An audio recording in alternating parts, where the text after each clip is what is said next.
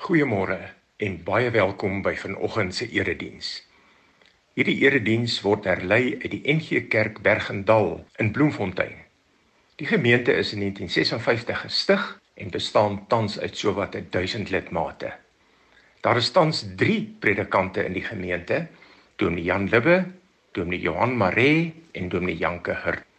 Die oralis is Dr. Johan Kromhout. Kom ons word stil in die teenwoordigheid van die Here. Die Here is 'n barmhartige en genadige God. Geduldig, oorvloedig in troue liefde en waarheid, wat troue liefde vir duisende bly handhaaf en wat skuld, oortreding en sonde vergewe. Gelowige mense, genade en vrede vir julle van God ons Vader, van Jesus Christus ons Here deur die Heilige Gees. Kom ons antwoord op hierdie seëngroet van die Here met 'n uitbundige, vrolike loflied. Kom ons sing Psalm 33.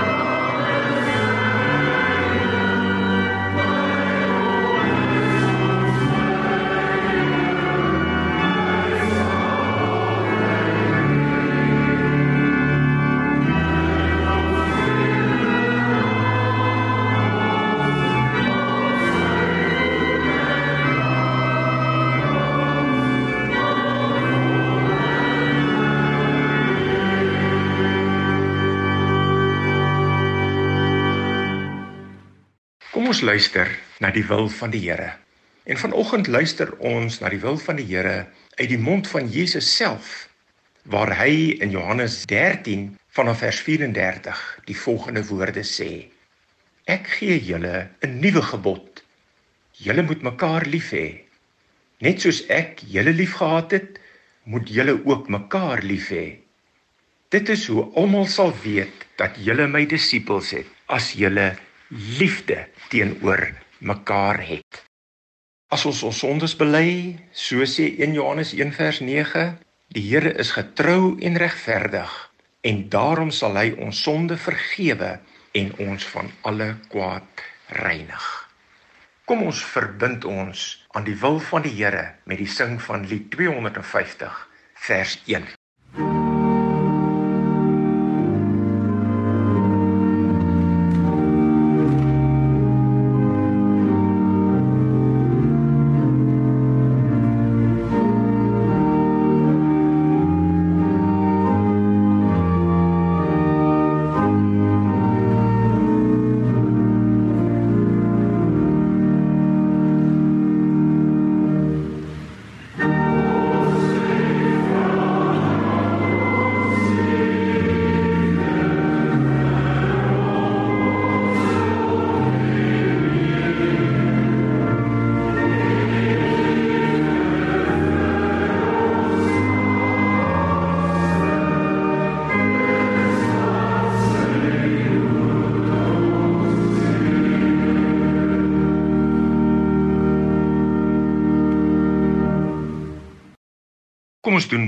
Belydenis van ons geloof. Ek glo in God die Vader, die Almagtige, die skepper van die hemel en die aarde. En in Jesus Christus, sy enige gebore seun, ons Here, wat ontvang is van die Heilige Gees, gebore is uit die maagd Maria, wat gelei het onder Pontius Pilatus, wat gekruisig is, wat gesterf het, wat begrawe is en wat ter helle neergedaal het. Maar wat op die 3de dag weer opgestaan het uit die dode, wat opgevaar het na die hemel en sit aan die regterhand van God, die almagtige Vader, vanwaar hy sal kom om te oordeel die wat nog lewe en die wat reeds gesterf het. Ek glo in die Heilige Gees. Ek glo aan 'n heilige algemene Christelike kerk, die gemeenskap van die heiliges, die vergifnis van sondes die opstanding van die vlees en 'n ewige lewe. Kom ons buig ons hoofde in gebed voor die Here. Here ons God, ons aanbid U in hierdie oggend. Ons aanbid U as Vader, Seun en Heilige Gees. U het U van U kant af aan ons bekend gemaak en ons kon U leer ken. En so daar 'n verhouding tussen ons en U tot stand gekom sodat ons u kinders is en u ons Vader. Ons gebed is dat die lees en die verkondiging van u woord vir almal van ons vanoggend tot bemoediging, tot versterking van ons geloof sal dien. Ons bid dit in die naam van Jesus Christus, ons Here. Amen. Die woord van die Here praat vanoggend met ons uit die Ou Testament, uit die boek Sefanja, Sefanja 3 vanaf vers 14 tot 20. Kom ons luister na die woord van die Here. Jubel van vreugde, dogter van Sion. Roep dit uit, Israel. Verbly en verheug jou met jou hele hart, dogter van Jerusalem. Die Here het die oordeele oor jou afgewend, jou vyande uit die weg geruim. Die koning van Israel, die Here, is in jou midde. Jy sal geen onheil meer vrees nie. Op daardie dag sal vir Jerusalem gesê word: Moenie vrees nie, Sion. Moenie dat jou moed jou begewe nie. Die Here, jou God, is in jou midde. 'n Held wat verlos. Hy verheug hom met blydskap oor jou. Hy maak jou stil met sy liefde. Hy sal oor jou juig met jubelkrete. Die getreur by die fees sal ek van jou wegneem. Dit is 'n las op jou, 'n skande. Kyk, Ek sal dan afreken met almal wat jou in daardie tyd verdruk het. Ek sal die verlamdes verlos en hulle wat uitmekaar gejaag is bymekaar maak. Ek sal hulle roem en aansien gee in elke land waar hulle verneder is. In daardie tyd sal ek julle laat kom. Terselfdertyd sal ek julle bymekaar maak. Ja, ek sal vir julle onder al die nasies op die aarde aansien en roem gee wanneer ek julle lot voor julle oë verander, sê die Here. Tot hiertoe die skriflesing van vanoggend.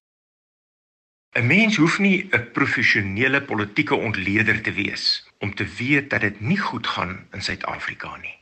Hoe moet ons as kerk, as gelowiges, die geloofsgemeenskap op hierdie toestand in die land reageer? Wat staan ons te doen? Is daar hoegenaamd iets te doen vir ons as gelowiges om dieselfde vraag anders te sê. Hoe bring ons die situasie in ons omgewing, in ons land in verband met ons geloof? Die laaste 3 verse van die boek Sefanja help ons. Die laaste verse van Sefanja kom uit 'n krisistyd in die lewe van die volk van die Here. Hulle het nie meer 'n koning nie. Hulle het hulle land verloor. Hulle word nou deur die Babiloniërs regeer En die tempel waar hulle God se spesiale teenwoordigheid opgesoek en beleef het, is verwoes. En dan word hierdie geloofsgemeenskap van destyds bemoedig met die laaste 7 verse uit die boek Sefanja. Hierdie laaste stukkie van Sefanja bemoedig God se mismoedige volk met drie dinge wat oor hulle as sy volk, die gelowiges gesê word en met drie dinge wat oor hom as God gesê word. Sefanja sê drie dinge van die volk van die Here. Die eerste ding wat Safanja van gelowiges sê is gelowiges leef blymoedig. In die eerste vers wat ons gelees het, word gelowiges opgeroep om te sing. Gelowiges word opgeroep om te sing met nie minder nie as vier werkwoorde: jubel, roep dit uit, verbly jou, verheug jou. Gelowige mense sing. Gelowige mense word opgeroep om te sing waarskynlik omdat hulle dit nie doen nie. Gelowiges in die tyd van Sefanja was so swaarmoedig, so mismoedig dat hulle opgehou het om te sing. Kom ons neem hierdie oproep ernstig op. Gelowige mense moet sing. Ons eredienste moet begin met 'n loflied wat uitbundig uitgejubel kan word met ons hele hart, soos wat vers 14 sê. En buite erediens is dit goed om na Christelike musiek te luister, saam die melodie te neurie of selfs saam te sing. Want om te sing, doen mos iets aan 'n mens se gemoed. Ons besweer ons swaarmoedigheid met blymoedigheid met die liedere wat ons sing. Dit is juis onder moeilike omstandighede wat ons blymoedig moet bly. Vers 17 sê die Here juig oor ons as gelowiges.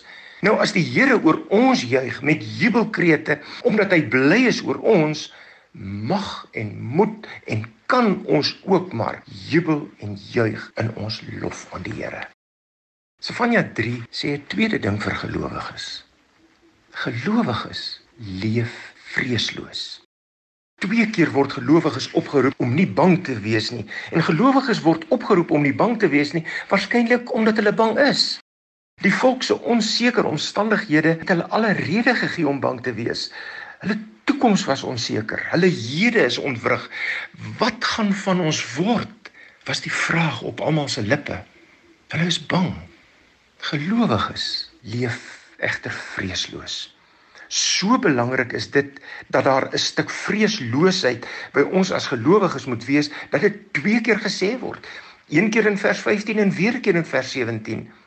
Ons as gelowiges sal die kuns van om vreesloos te lewe moet aanleer. Ons kan maar sterk staan as gelowiges. As gelowiges hoef ons nie bang te wees nie. En die rede waarom ons nie bang hoef te wees nie, is omdat ons aan die Here verbind is. Hy is en bly teenwoordig by ons.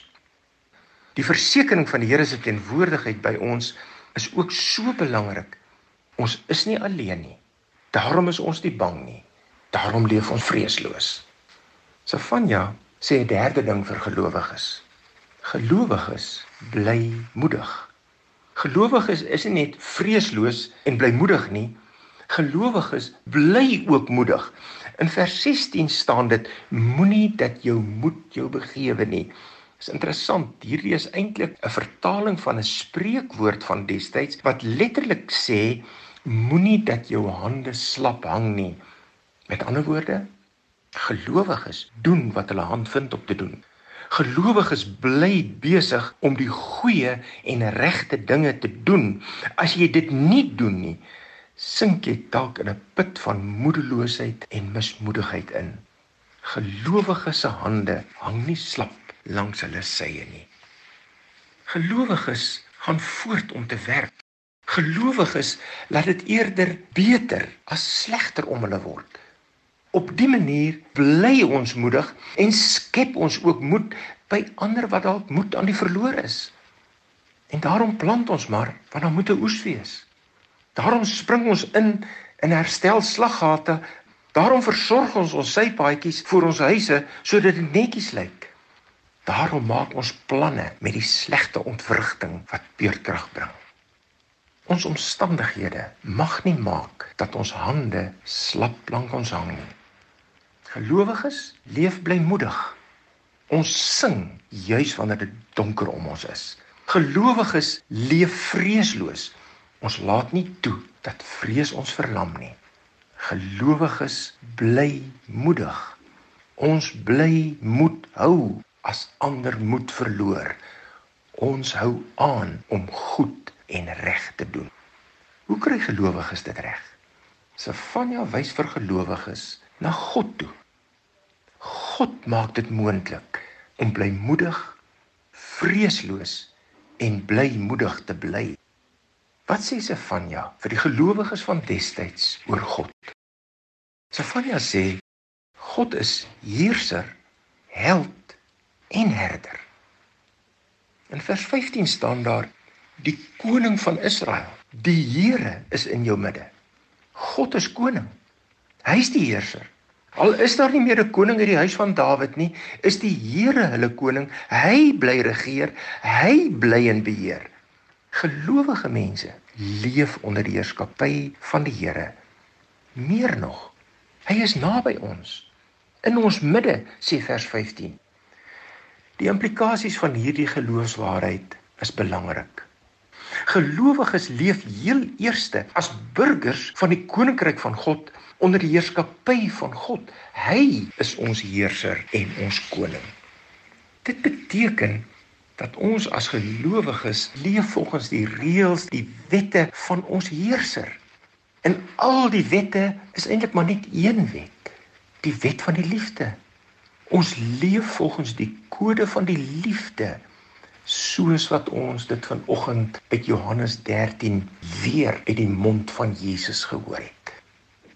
Sefania sê 'n tweede ding van God. God is ons held.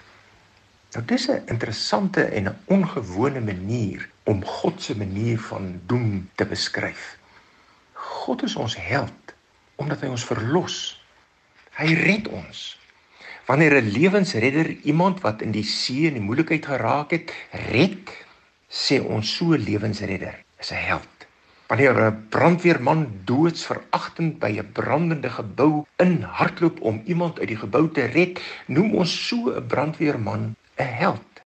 Dit is die agtergrond van die beeld wat hier vir God gebruik word. God is gelowiges se held omdat hy hulle help, red, verlos. Sefanja 3 sê 'n derde ding van God. God is ons herder.